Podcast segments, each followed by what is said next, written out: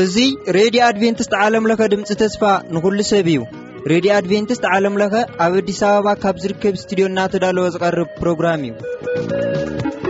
በብዘለኹም ምዃንኩም ልባውን መንፈሳውን ሰላምታና ይብጻሕኹም ንብል ካብዙ ካብ ረድዮ ኣድቨንትስት ረድዮና ወድኣዊ ሓቂ ዝብል ትሕዝቶ ኣቐዲምና ምሳና ጽንሑ።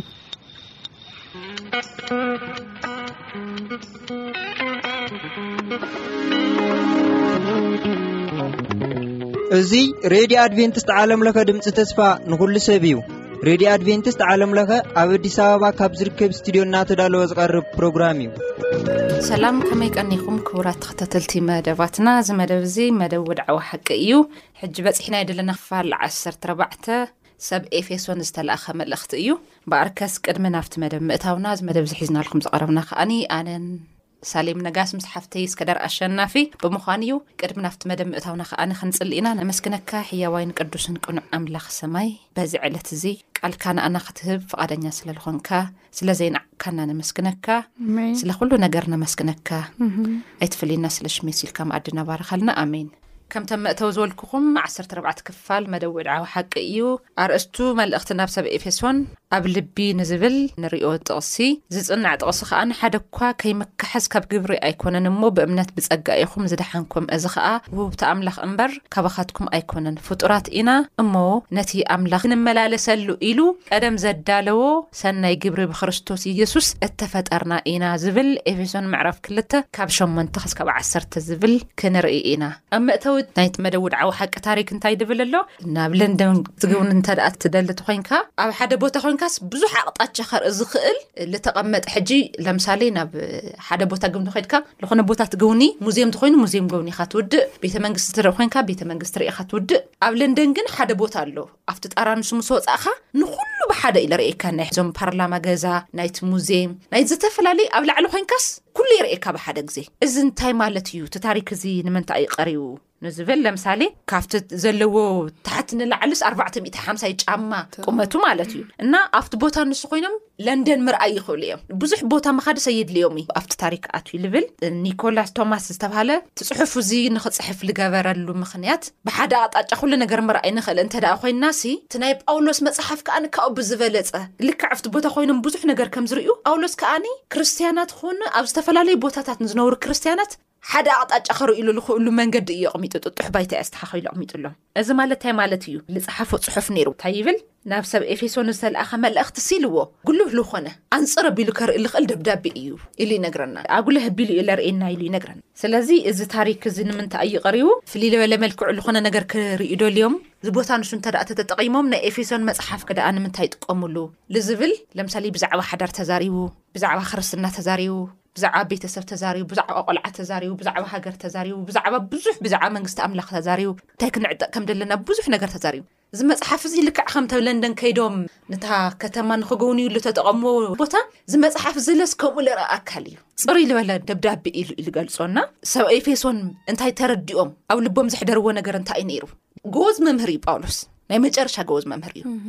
ሰባት ብደንብ ገይሮም ብኩሉ መንፅር ፅሩይ ዝኾነ ሂወት ፅሩይ ዝኾነ ሓዳር ፅሩይ ዝኾነ ናብራ ንክነብሩ ፅሩይ ዝኾነ ደብዳቤ ከም ዝለኣኸሎም ከምዚ እዩ ኢሉ ይገልፆ ዝፅሓፉ ማለት እዩ ኣብ እሁድ ከይድና ክንረአ ከለና ብክርስቶስ ተባሪክና ኢና ይብል ብምንታይ ኢና ተባሪክና ብልብል ክንኣቱ ከለና ብልሓለፉ እንዳተምሃርና ይብል መፃና ነርና ሓዳርካ ንድሕሪ ትሒዝ ካብ ስነስርዓት ለይትባረከሉ መኒስ ይብልካ ሕጊ ኣምላኽ እንተኽቢርካ ለይትባረከሉ መኒስ ይብልካ ብናይ ምድሓን እቅደን ሕና እንታይ ስለዝኮና ተቋድስቲ ስለዝኮና ታይ ይብል ኣብዚ ውርድ ኢሉ ከዓኒ እቲ ናይ መድሓና ጉዳይ እንተ ብደንቢ ጌርና ኣስተውዒልናዮ ካብ ጫፍ እስካብ ጫፍ ምፍላይ ለይከኣል ኣብ ዓብዪ ካርታ በተለይ እዚ ናይ ኤፌሶን መፅሓፍሲ ካርታ እዩ በቃ ፅሩይ ዝኾነ ሓባሪ እዩ ኣብ ብዙሕ ጥያቄታት ተሃሊካስ መልሲ ትረኽበሉ ቦታ እዩ ባይዘወይ ሉተር ኤፌሶንን ፅሩይ ወንጌል በቃ ፒር ጋስፖል ኢልዎቃ ጥያቄ ተሃሊካስ ከፍ ኣቢሉ ልምልሰልካ እዩ ብዛዕባ ሃገር ጥያቄ ተሃሊካስ ኮፍ ኣቢሉ ልምልሰልካ እዩ እብሪ ብዙሕ ኣቲ ዓብያ ቆልዑት ስርዓት እንድሕር ዘይትፈልጥ ኮንካ ዝምልሰልካ ነገር እዩ እና ከምዚኦም ዝበሉ ነገራት ንሕና ታይ ስለልኩና ብክርስቶስ ተባ ካብይ ልመፀ ካብቲ ናቱ ንሱ ዝገበሮም ናይ ምድሓን እቅድ ብኡታይ ኮይና ተባሪኽና ክንባረኽ ከለና ግን ሓደቲ ንሱ ዝኸዶ መንገዲ ክንከይድ ከለና ስቴፓት ንሱ ክንኽተል ከለና ይብለና እሞ ኣነ ንምግላፅ ዝደለኽዎ እዚ ነይሩ ክትውስኽዮ ዝደለኽዮ ይታሊ ካብዚ ሓሳብ እዚ ከምቲ ዝገለፅኽዮ እዩ ኩሉ እቲ ናይ መበል 14 ምልእ ክርእዮ ተለና ሙሉእ ኤፌሶን መፅሓፍ ሪቪዥን እዩ እና ክርስቶስ ብኸመይም ልባረኸና ጳውሎስ ከምቲ ዝገለፅኽዮ ኣብ ኤፌሶን ሲ ስለ ሕድሕድ ሕቶታትናስ መልስን ስለ ኩሉ ስለ ምድሓና ብኸመይና ክንድሕን ከመይና ከሰይጣን ንቃወም ከመይና ቆልዑ ንዕቢ ሕድሕድ ሕድሕድ ነገሩ ብዙሕ ነገር ልርኣናሉ እዩ ኤፌሶን እና ኣነ ናብ ናይ ሶኒ መልእኽቲ ክሰግር እሞ ንሕና ዝድሓና ንህዝቢ ኢና ይብል እዚ ኤፌሶን ምዕራፍ ክልተ ክነንብብ እዩ ዝዕድመና ሶኒ ሓሳብ እግዚኣብሔር ግና እዞም ክልተ ቃላት ደቂ ሰባት ዓብዪ ተስፋ ዝህቡ እዮም ኤፌሶን ምዕራፍ ክልተ ካብ ሓደ ክሳብ ዓሰርተ ዘሎ ሰማዕትና ብኣብ መፅሓፎም ከንብብዎ ይኽእሉ እዮም ኣብኡ ዘሎ መልእኽቲ እዩ ዝነግረና እና ኣመንቲ ናይ ጸልማት ሕሉፍ መነባብሮኦም እዩ ብዛዕባ እቲ ሕሉፍ ዝነበረና እግዚኣብሔር ከመይ ገይሩ ናብ ምድሓን መንገዲ ከም ዘምጸልና ትማሊ ንሰርቕ ከም ዝነበርና ትማሊ ብዙሕ ነገር ምስ ጸልማት ዘሎ ስራሕ ንተሓባበር ከም ዝነበርና ይነግረና መጨረሻ ግን ድሕሪ ሕዝስ ናይ ብርሃን ኢኹም ብብርሃን ተመላለሱ ክብለና ንሪኦ ጳውሎስና ግናኸ እቲ ምሕረት ሃብታም ዝኾነ ኣምላኽ ንዓና ንዓኣቶም ንዓና እንታይ እዩ ዝገበረልና ዝብል ነገር ትንትኖ ከሎ ምስ ክርስቶስ ህያዋት ገበረና እሞ እቲ ትንሳኤ ክርስቶስ ድማ ናትና ኮነ ሓደ እሱ እዩ ኣብቲ መጀመርያ ዝገለጾ ነገር ያው ጠፊእና ከም ዝነበርና ኣብ ጸልማት ከም ዝነበርና ሕሉፍ ናብራና ጸልማት ከም ዝነበረ ይነግረና ኣብዚ ሲ ምስ ክርስቶስ ምምፃእ ክርስቶስ ንዓና ናይ ምሕረት በሪ ምኽፋቱ የረደኣናና ኣብ ዝሓለፈ መበል ዓሰርተ ክልተ ትምህርቲ ሰንበት ይመስለኒ እቲ ንምቅላስ ዝብል ዝነበረ ርእሲ ተርእዩ ተርእዩ ተርእዩ ተርእዩ ሲ ብምድሪ ክኾን ዘይከኣለ ነገር ኮይኑ ገና ምድሪ ክዋጋእ ዝኽእል ሓይሊ ተሳኢኑ ዛትስዋይ ደሞ እግዚኣብሔር ወዱ ብምልኣኽ ንኣና ከም ዝገበረልና ይናገር ነይሩና እቲ ውግእ ኣብ ሰማይ ከም ዝተጀመረ ክርስቶስ መፅኡ እውን ከም እስቲል ንሕና እውን ናይ ምሕረት በርና ክሳብ ዝዕፀ ወይ ደሞ ክርስቶስ ክሳብ ዝመፅእ ዝውግእ ከም ዝቕፅል ዝረኣናሉ ነይሩና እቲ ናይ ክርስቶስ ትንሳኤ ናትና ኮይኑ ምክንያቱስ ኣብ ሮሜ ከም ዝበሎ ሮሜ መልእኽቲ ከም ዘለዎ ሓሳብ ምስ ክርስቶስ ትንሳኤ ዝመስል ነገር ክንሓብር ከለና ሞቱ ምስ ዝመስል ሞት እውን ክንሓብር ተለና ትንሳኤ ብዝመስል ትንሳኤ ከዓ ምስ ክርስቶስ ከም ንላዓል ይነግረናና እዚ ከም ዝተገበረልና ካልኣይ ከዓ ምስ ክርስቶስ ልዕል ኣበለና እሞ እቲ ዕርገት ክርስቶስ ከዓ ናትና ኮነ ኩላ እታ ክርስቶስ ዝሓለፈላ መንገዲ እንታይእዩ ዝብለና ካብ ሓጢኣት ዝተረፈስ ብኩሉ ነገርስ ዝተፈተነ ብሓጢኣት ጥራሕ እዩ ዘይተፈተነ ብብዙሕ መንገዲ በቃ ብኩላ ኣብታ ኣብ ምድሪ ንሕና ንፍተና ፈተናታት ኩላ ግን ኢብን ንሕና ሕዚ ንስ እንተሃሊና ክርስቶስ እውን ዝረክበ ይኮነን ነይሩ ገዛ ንስ እንተሃሊና ንሕና እውን ክርስቶስ እውን ገዛ ይነበሩ ኩላት ኣብ ምድሪ ዘላ ፈተና እንዳም ብዝበለፀ ክርስቶስ እንትንገይርዋ እዩ ግን እዚ ኩሉ ሓሊፉ ሲ ክርስቶስ ካብ ሞት ከም ዝተለዓለ ንሕና እውን ንዝመስል ሂወት ክንሓልፍ ተለና ከምኡ ዓይነት ትንሳኤ ከም ዝህልየና ይነግረና ኣብቲ ሳልሳይ መልእኽቱ ዘቕመጦ ኣብ ሰማይ ምስ ክርስቶስ ኣቐመጠና እቲ ናይ ክርስቶስ ክብሪ ከዓ ናትና እውን ኮነ ይብለና ተዓዘብቲ ዘይኮና ሰቡራ ኢና ይብለና ጳውሎስ እና እቲ ዝሓለፈ ነገርና ኩሉ ቀሪዩሲ ብደም ክርስቶስ ተሸፊኑ ንሕና ግን በቃ ምስ እግዚኣብሔር ኢና ምስቲ ክርስቶስ ዝሓልፎ መንገዲ ምስ እንሓልፍ እሱ ብዝሓለፎ መንገዲ ህይወትና እውን እንትሓልፍ ኣይኮነን ከዓ ክርስቶስ ንሃለና እውን ምስ ዝመፅእ ኣብቲ መጨረሻሲ በቃ ንሕና እውን ሰውራ ኢና ኣብ ሰማይ ሰውራ ኢና ንሕና ተዓዘብቲ ኣይኮናን እና እዚ ይገልጸልና ኣብ ናይ ሶኒ ትምህርትና ብጣዕሚ ደስ ዝብል ሓሳብ ዘለዎና እግዚኣብሔር ነዚ ዝገበረ ድማ ዝግብኣና ኮይኑ ዘይኮነስ ብፀግኡ እዩ ይብለና ኣብቲ መጀመርያ መእተዊ ንሶም ዝፅናዕ ጥቕሰ ኣሎ ምድሓንኩም ብፀጋ እዩ ዝብል ብፀጋ ክርስቶስ እምበር ብስራሕና ክንፀድቕ ከም ዘይንኽእል ማለት ዝገበርና ተዝንገብርሲ ፅድቅናስ ምንም ይኾነ ግን ብክርስቶስ እዩ ዋይ እንድሕር ጽድቅና እንድሕር ናይ መርገም እንትን ኮይኑ ንምንታይ ደኣ ንሕና ምስ ክርስቶስ ክንሓብር ክንብል የድሊ ይብልና ከምቲ ኣብቲ መጀመርያ ዝተገለጸ ኣብቲ ውግእ ዝነበረ ሓሳብ እቲ ውግእ ሲ ናየ እዩ ይብል ወ ክርስቶስ ኣብ ዝተፈላለዩ ቦታታት መፅሓፍ ቅዱስና ክንርኢ ተለና ዋይ ክርስቶስ ዝዋጋእ ተኮይኑ ንሕና ደኣ ንምንታይ ንውግእ ተዳለዉ ተባሂልና ኣብ ኤፌሶን ሰባት ክፅሕፍ ከሎ ጳውሎስ ኢልና ንርኢ ብኡ ወይ ብቲ ሱዝ ዝተሓለፈ መንገዲ ክንሓልፍ ስለ ዝድለ እዩ እቲ መራሕና መን እዩ ክርስቶስ እዩ ኣብቲ ውግእ መን እዩ ዝሳተፍ ኩሎም እዮም ዝሳተፉ ኣብ ወልድ መንፈስ ቅዱስ መለኮት ሓይሊ ኩሎም እዮም ኣብታ ጦርነት ዝሳተፉ ንሕና ብ ድሕሪት ወታደር ኮይና ክንሓልፍ ከም ዘለና ኣብ ፅድቅና እውን ብክርስቶስ እዩ እቲ ፅድቂ ተፈፂሙ ተወዲኡ ንሕና ግን ብኣ ክንሓልፍ ክንኽእል ኣለና እና ምድሓና ካብ ፀጋ እምበር ንሕና ዝገበርናዮ ዘይኮነስ እቲ ምሕረትና እውን ኮ ብክርስቶስ ትንሳኤ እዩ እምበርካና ዝተላዓለ ዝኾነ ነገር የለን እግዚኣብሔር ድማ ንኣመንቲ ምስ ክርስቶስ መሻርክቲ ክኾኑ ሰናይ ተግባራት ክገብሩ እዩ ዝደልዮ ምስ ክርስቶስ ስራሕ ክርስቶስ ኣብ ምድሪ ዝነበሮ ስራሕ ክንርኢ ተለና ብምንም ተፈቲኑ ዲቑ ዝብል ነገር ኣየንበብና ይረኣናይ ኣይወደቐይን ብጣዕሚ እንዳም ካብትሱ ዝነበሮ ፈተናታት ብጣዕሚ ዘገረመንሲ ንመግደላዊት ማርያም ሒዘምሉ ክመፅ ተለዉ ክርስቶስ ሓጢኣት እያ ሰሪሓ መፅያ ዘሰብ እዚኣ ሒዘምዋ መፅዮም እቲ ናታ ሓጢኣት ግድም ናብ እሱ ክፍተን መንታ ግን ዝፈረዶ ፍርዲ ከምቲ ዘንበብናዮ እዩ ምስቲ ፅቡቕ ነገር ተሻረክቲ ክንኾን እግዚኣብሔርስ ይደልየና ምስ ክርስቶስ ሕብረት ዘለና ተኻፈልቲ ከም ዝኾንና ዝብል እንተ ኾይኑ ድማ ምስ ካልኦት ኣመንቲ ብጾትና ዝህልወና ሕብረት ሽርክና እዩ ዘምህረና ንኻሊእ ሰብ ክርስቶስ ንኻልኦት እውን ብዝሓለፎ መገዲ ሰባት ክሕግዝ ሰባት ክፍውስ ሰባት ካብ ኣጋንንቲ ነጻ ከውፅ ኢና ንርእዮ ምስ ሰባት ክበኣሰይ ንርኢ ካልኦት እሞ ይቕረይቶም ኣብ ደገ ዘለዉ ኢቨን ብክርስቶስ ምሳሌ ክንወስድ ተለን ክርስቶስ ቤተ ክርስትያኑ እዩ ተልና እቶም ደቀ መዛሙርቲ ኣመንቲ ኢና ተይልናሲ ምስ ሓዲኦም እንትን ክንብለይ ንርእዮ እንሕና እውን ብኸምኡ ዓይነት ምስቶም ኣነ ሕዚ ምሳኺ ለለ ንርክብ እስኽም ሳየ ለለኪ እስኽም ስኻሊእ ሰብ ኣነ ምስ ስኻሊእ ኣማኒ ዘለ ንርክብ እውን ጽቡቕ ክኸውን እውን ይነግረና ጳውሎስ ብመልእኽቱ ብጸጋ እግዚኣብሔር ንስኻትኹም ሎሚ ምስ ክርስቶስ ካልኦት ኣመንትን ናይ ምንባር ዕድል ተዋሂብኩም ኣሎ ኣብ ናይ ብዙሓት ምልዋጥ ዓብዪ እጃም ዘለዎ ዘሎ ኣብ ኤፌሶን ክልተ ካብ ሸሞንተ ክሳብ ዓሰርተ ዘሎ ጥቕሲ ሰማዕትና መጽሓፍ ቅዱስ ሒዞም እንተኮይኖም እውን ከንብብዎ ይዕድመና ጳውሎስና ኣብ ሰው ዘሎ ሓሳብ ዝእዩ ኣብ ናይ ሰሉስ ንሕና ቤተ ክርስትያን ህያው ኣምላኽ ኢና ስለምንታይ እዩ እዚ ክንብል ኣባላት ቤተ ክርስትያን ብዛዕባ ቤተ ክርስትያን ኣወንታዊ ምስክር ክህቡ ከለው ደስ ይብለና እዩ ይብል ብዝኾነ ግን እቲ ንሕና እንህቦ ናእዳ ምስ ሃዋርያ ጳውሎስ ኣብ ኤፌሶን ሰለስተ ብዛዕባ ቤተ ክርስትያን ዝሃቦ ምስክርነት ግን ክመጣጠን ዝኽእል ኣይኮነን ይብለና ኣብ ኤፌሶን ምዕራፍ ሰለስተ ዝገለጾ ጳውሎስ ምስቲ ንሕና ሕዚ ንቤተ ክርስትያን እንህቦ ኣወንታዊ ዝኾነ ምስክር ወይ ቤተ ክርስትያንና ከምዚ ቤተ ክርስትያንና እዚ እንብሎ ነገር ሲ ምስቲ ሽዑ ዝገለጾ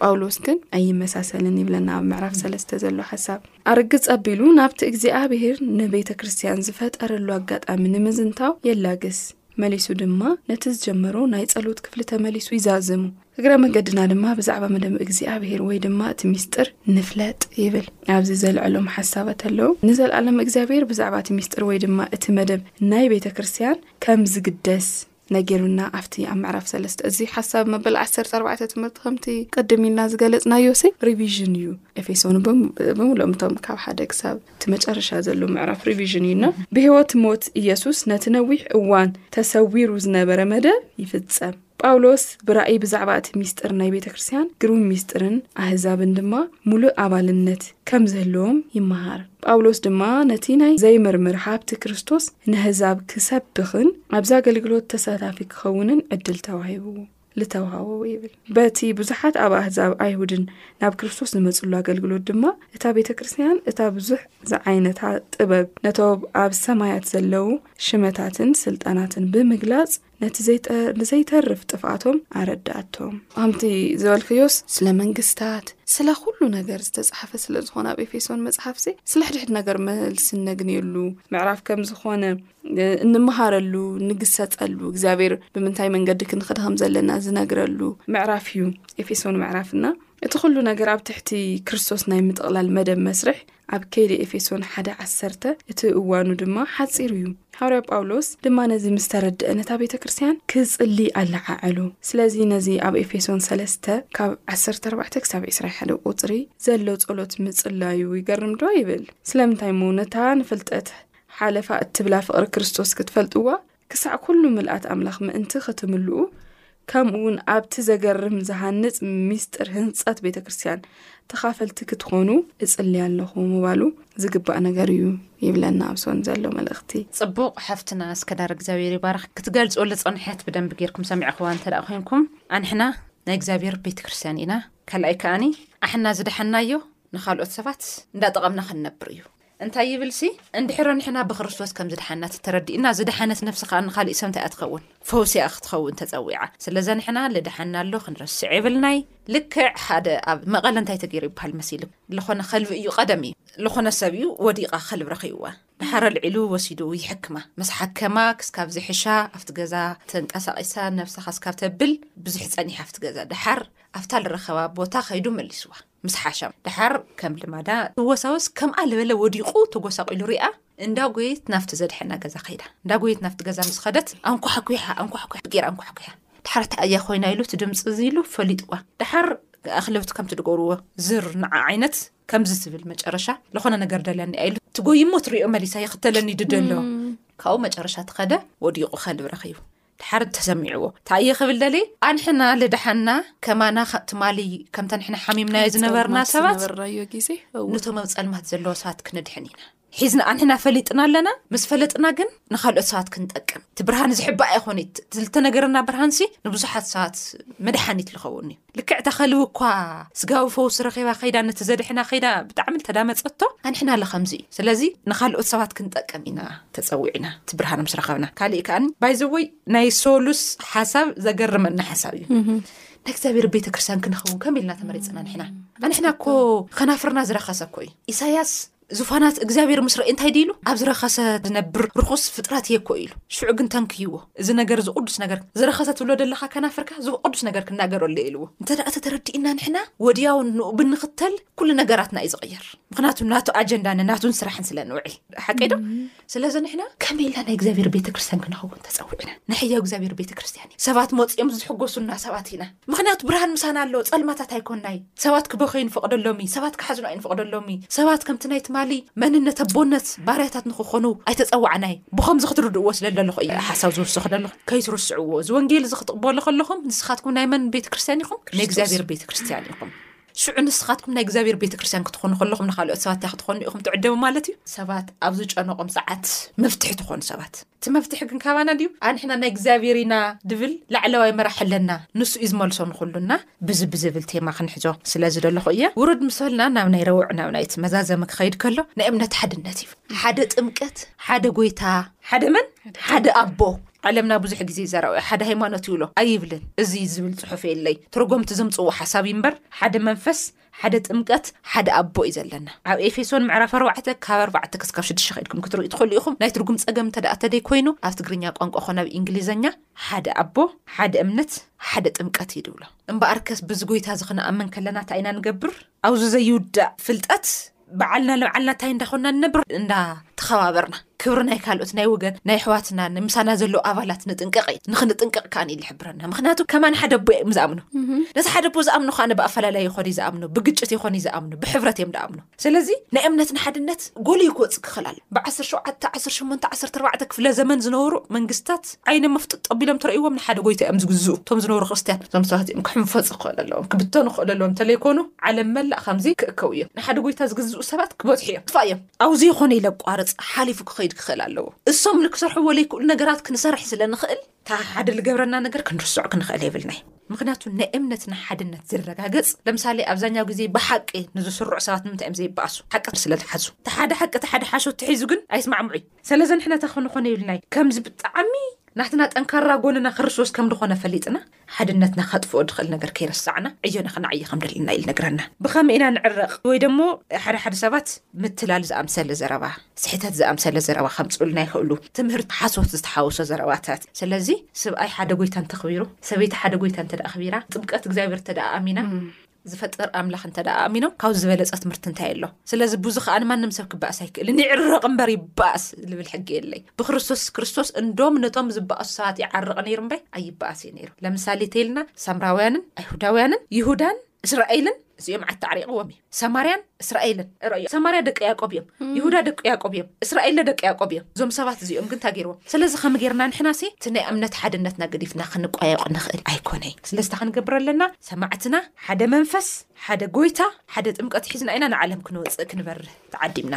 ልብል መልእኽቲ ከመሓላልፍ ይደሊ ናይ ሓሙስ ከድና ክንሪኦ ከለና ኣንሕና ፀጋ ተቐቢልና ውሃብ ይብል እንታይ እንታይ ፀጋ ኢና ክንቕበል ልብል ኣብ ዝሓለፈ ዓሰርተ ሰለስተ ሰንበት ትምህርትታት ንነዊሕ ግዜያት ንዓሰርተ ሰለስተ መደብ ውድዓዊ ሓቂ እንዳገለፅናዮ ፀኒሕና ፀጋ ውህብቶ ካብ ላዕላይ ካብ ሰማይ እዩ ይብል ካብ ላዕላይ ካብ ሰማይ እዞም ውህብቶታት እንታይ እዮም ብልሓለፈ እንዳገለፅናዮም ነርና በቃ ደስ ልብል መንፈስ እዩ ዘለካ እቲ መንፈስ ንሱ እንታይ እዩ ሓልዮት ፍቕሪ ሰላም ዝሕጂ ዓለም ስእን ኣቢላቶ ደላ ኣባናኸ ከም ማይ ዝጅርብብ ይውሕዝ ምስ ክርስትያናት እንታይ ዲ ልብል ዓለም ሰላም ኣውርደልና ኢልና ንምድሪ ንፅሊ መቸም ንምድሪ ሰላም ኣይወርድን ኣባና ግን ሰላም ይዓስል ምክንያቱ እቲ ዝመረፅናዮ ኣምላኽ ከገራጩ ዝኽእል ኣምላኽ ኣይኾነይ ከገራጩ ዝኽእል ኣምላኽ ኣይኾነይ ኣብ መከራ ሰዓት ሓጎስ ክስምዐካ ዝኽእል እዩ ጳውሎስ ተጊሩ እዩ ልብል ኣብ እስሮይት ዘሚሩ ዘሚሩ እንዶም ክዝምሩ ከለዉ ካብ የመና መዝሙር ጨድርታ ስትበሪ ተኸፊቱ እዩ ድብል ሓጎሶም ሰማይ ጠቀስ ነይሩ እሞ ከዳእታ ኢና ክንገብር ትምሳና ደሎ ህያብ ወድያውን ጳውሎስ መኒኻ ንስኻ ከምዚ ጌርካ ትጎድእን ደለኻ ክብሎ ከሎ ነቶም ተሳድዶምስ ሓላዊኦም ድኾንኩ ሓቂ ኢልዎ የሱስ ባዕሉ ኣነ የሱስ ክብሎ ከሎ ከም ዘይቲ እዩ ክፈስስ ጀሚሩ ኣብ ልቡ ይብለና ኣብ ሃዋርያት መፅሓፍ ከድና ክንሪኦ ከለና ትሽዑ ንድሓር እግዚኣብሔር ክእዘዝ መሪፅ ኣንሕና ልክዕ ካብቲ ዝተቐበልናዮ ሰዓት ካብኡ ሰዓት ጀሚሩ ኣይኽእለናይ ምክንያቱ ንናቱ ስራሕ ኢና ንውዕል ክንዓቑሮ ይንኽእል እዩ ኣንሕና ክንበርሀሉ ስለለቐመጠና መጀመርያ ለኣና ፀጋ ቀቢሉና ብሃዋርያት ዝተነገረ ይኮና ኢልና ንምስክር ደለና ንሕና ብነብያት ዝተነገረ ሃዋርያት መስኪሮሞ ብዓይኖም ዝረእይዎ ንኣና ኣብጺሖምልና ንሕና ከኣ ነዋላይ ንርኣ ግን መስኪር ኣይናት ሓቂ እዩ እቲ ቃል ሓቂ እዩ ሓደ ጎይታ ሓደ ኣቦ ሓደ ጥምቀት እዩ ደለና ሓደ መንፈስ እዩ ደለና ኣሽሓት መንፈስ ኣይኮነይ ድብሎም ሓደ እዩ ስለዚ ነቲ ሓደ ታይ ንገብረሉ ጸግኡ ተቀቢልና ንህብ ንዓል ኣውዚ ታይ ይብል መሲልኪ እንዳንበኩ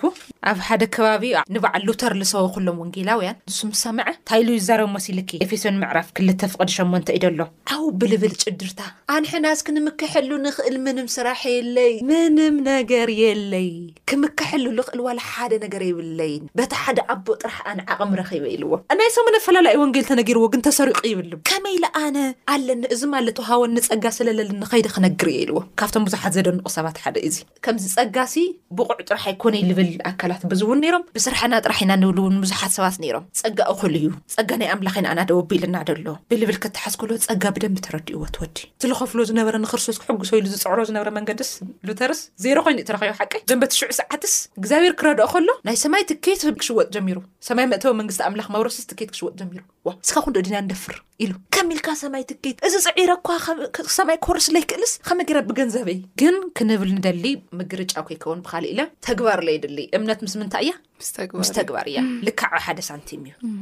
ከምኡ ክንብለኩም ከለና ግን ዓለምና ንፅድቂ ስራሕ ኢላ ለቕመጦቶም እጃማት ኣለው ለምሳሌ ገዳ ምኻድ እዚ ፅድቂ ኣይኮነ ንእግዚኣብሔር በቂ ዓብይ ውዕለት ውዒለሉ ንብሎ ንእሱ ኣይኮነ ንእግዚኣብሔር ሓንቲ ዓባይ ስራሕ ካብ ሓጢኣት ምርሓቅ ጥራሕ ግልፂ ንነግረኩም ንእግዚኣብሔር ክሕግሶ ዝኽእል ሓንቲ ክነግር ካብ ሓጢኣት ምርሓቕ ንእግዚኣብሔር ዓብይ እንጀርኡ ፅምኣቱ ገልኡ እዚ እንገብሮ ካሊእ ንውስኾ ናይ ፅድቂ ስቴፓት ኣይ ገዳም ተኸድኩ በቃ ከንድዚ ንእግዚኣብሔር መስዋእቲ ተቕረቡ ምእዛዝ እዩ ልብል ሓቂ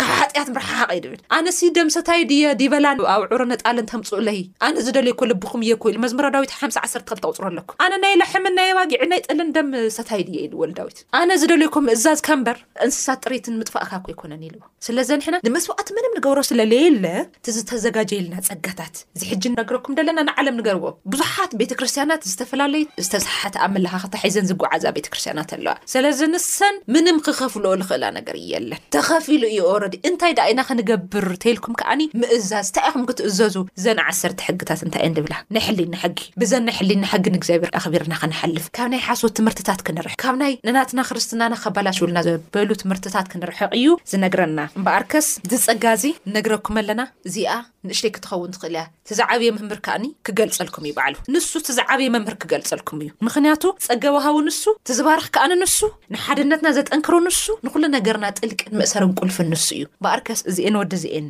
ሒዝና ሓድነትና፣ ጸጋ ልተዋህብናዮ ንምንታይ ምዃኑ፣ ንሕና ናይ እግዚኣብሔር ቤተ ክርስቲያን ምዃንና እንዳፈለጥና ሓደ ጎይታ ሓደ መንፈስ ሓደ ጥምቀት ከም ደሎ ሒዝና ንዓለም ብርሃን ክንኸውን ኢና ዝኹላይ እዚ ዕድመ ንገብረልኩም ደለና በኣርከስ እዚ መደብና እዚ ይመስል ነይሩ በባይ ወገ ድየ እየ ሓፍቴ እስከዳር ትህቦ ሓሳብ እንተሃልይዋ መጨረሻ ተገሊጹ እዩ ሳልሄ እግዚኣብሔር ይባርኽኪ ኣብ ጸጋ ተቐበልትን ውሃብትን ዝብል ብዙሕ ሓሳብ እንዲ ዳህሲሱ ጳውሎስ ፍቕሪ እግዚኣብሔር ቐዲሕኻ ናይ ምንባር ማዕድኡ ናብ ክርስትያን ሰብኡትን ኣንስትን ሰብ ሓዳር እዩ ዘርግሖ ይብለና እሞ ክርስቶስ ንክንዲ ቤተ ክርስትያን ዝኸፈሎ መስዋእቲ ምስ ንሕና ኢና ክርስቶስ ንኣና ሕደሪ እዩ ንሕና ከዓ ንኣቱ መንበሪ ኢና ከም ዝበሉ ብዙሕ ነገር ዳህሲሱልና እዩ ኤፌሶን መፅሓፍ እናብዚ ግን ሰለስተ ክንሕዘን ዝግበአና ነገራት እቲ መሰረታዊ እንብሎ ነገር ኣብ ባዕልና ንገብሮ ነገር እዩ ኣብ ባዕልና ንፈጥሮ ነገር እትፀጋ ኣለና ዶ ዘለና መሲልና እውን